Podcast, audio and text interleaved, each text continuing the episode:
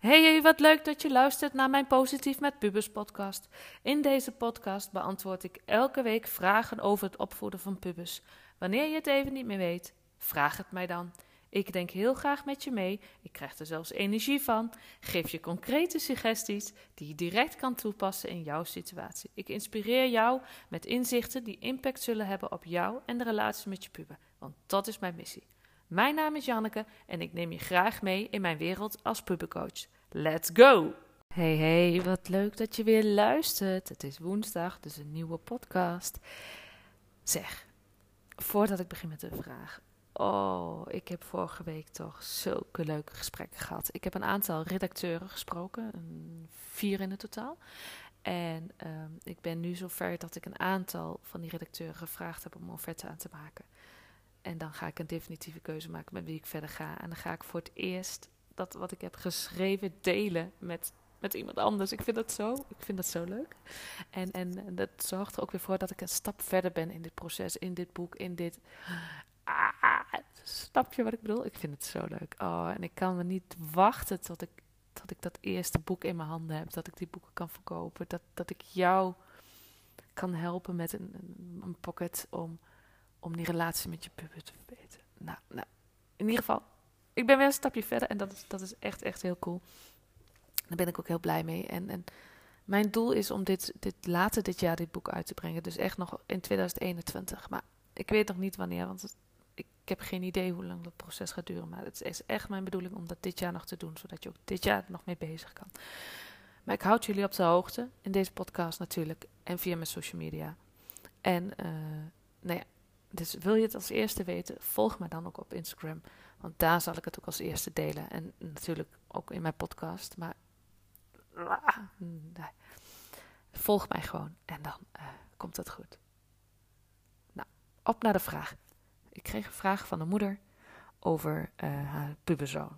En ze schrijft mij het volgende. Ik lees het even voor. Ik heb hem hier een screenshot. Oh Janneke, dankjewel voor je podcast. Het is een feest der herkenning. Het idee en het idee dat ik niet de enige ben die tegen dingen aanloopt is toch wel erg fijn. En vooral die bevestiging. Dankjewel. Ik heb zelf ook een vraag. Mijn zoon eet alles wat maar voorhanden ligt op. Zonder te vragen en zonder rekening te houden met anderen in huis. Gezond, ongezond, het maakt niet uit. Alles gaat erin. Nou, weet je, ze mogen van mij best een boterham eten, schrijft ze. Of een ranja drinken of fruit bakken.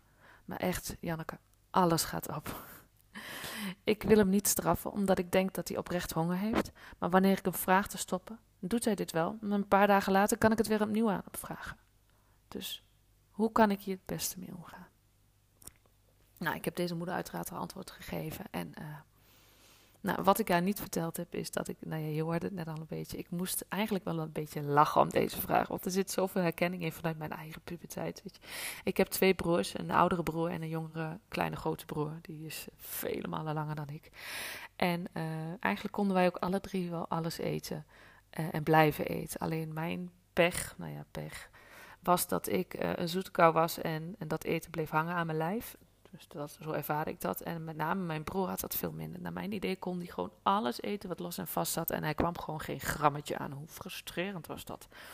En daarbij moet ik ook gelijk vermelden dat wij alle drie wel veel sporten. En mijn broer daarin echt het fanatiekste was. Dus het had ook niet veel kans om, om ergens vast te blijven zitten, zeg maar. Nou, anyhow. Uh, waar wilde ik naartoe?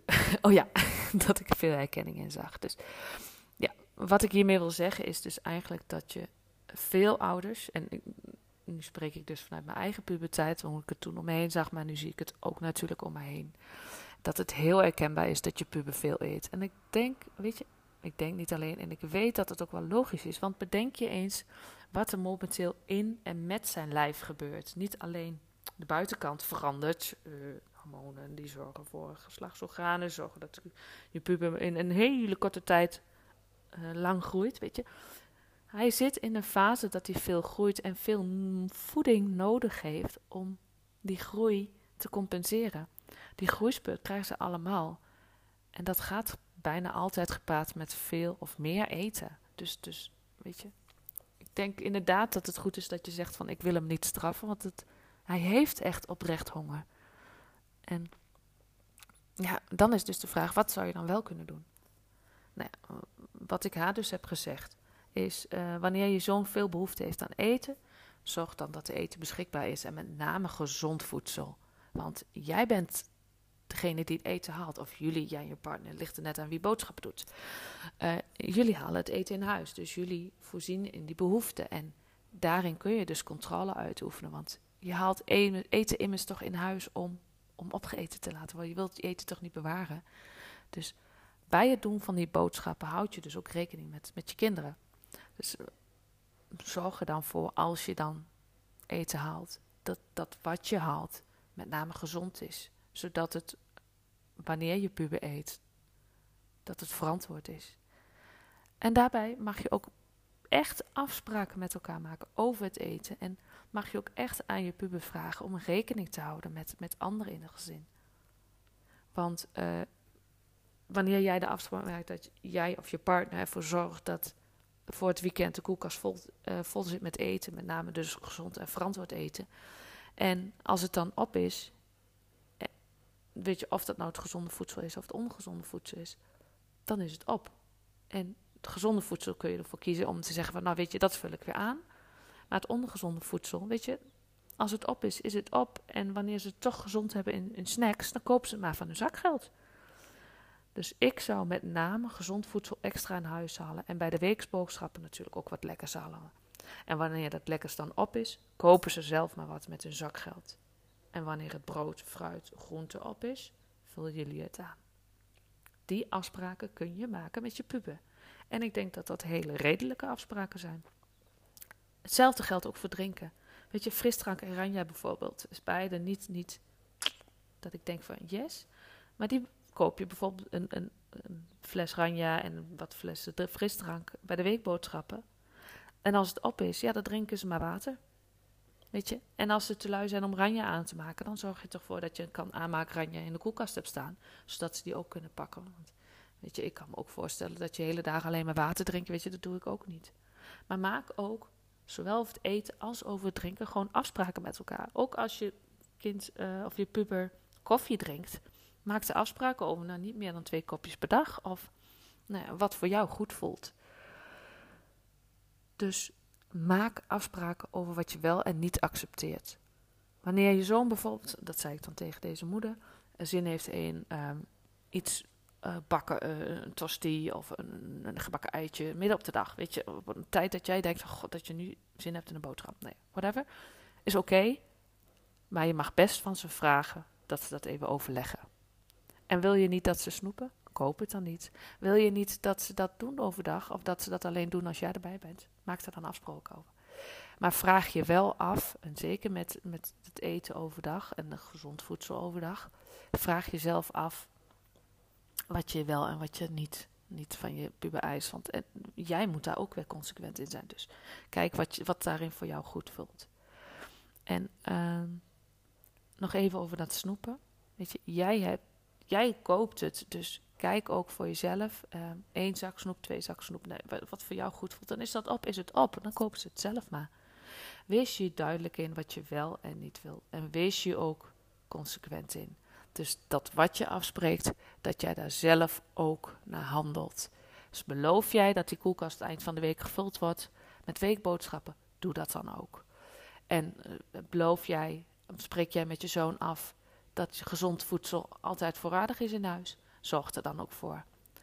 En wees ook consequent als je toch die discussie hebt van waarom haal je geen snoep in huis en ik heb zin in chips en blub, nou ja, whatever. Wees dan ook consequent en laat je niet verleiden om toch wat extra te halen, omdat je zoon die discussie met je aangaat, omdat je het, nou ja, wat voor reden dan toch wil doen. Wees consequent. Jij bent daarin het voorbeeld. Dat is echt super belangrijk. Want wanneer jij hier constant aan toegeeft, zal je merken dat wanneer je zo'n vinger heeft, dat hij op een gegeven moment je hele hand pakt en dus nog die controle heeft. Als je het al over controle hebt. Dus maak duidelijke afspraken en wees je consequent. Dat was hem weer voor vandaag. Dit is het antwoord wat ik naar die moeder heb gestuurd. Hier kon ze weer mee verder heb nog geen reactie gehad hoe, hoe, het heeft uitgepakt. Maar ik denk als die moeder echt doet waar ze voor staat en wat ik zo heb gevoeld in dat ons gesprekje, denk ik dat ze dat ook doet, denk ik dat dit niet de spuigaat gaat uitlopen. Nou, dat was hem voor vandaag. Ik wens je een hele fijne dag en ik spreek jullie volgende week weer. Tot later.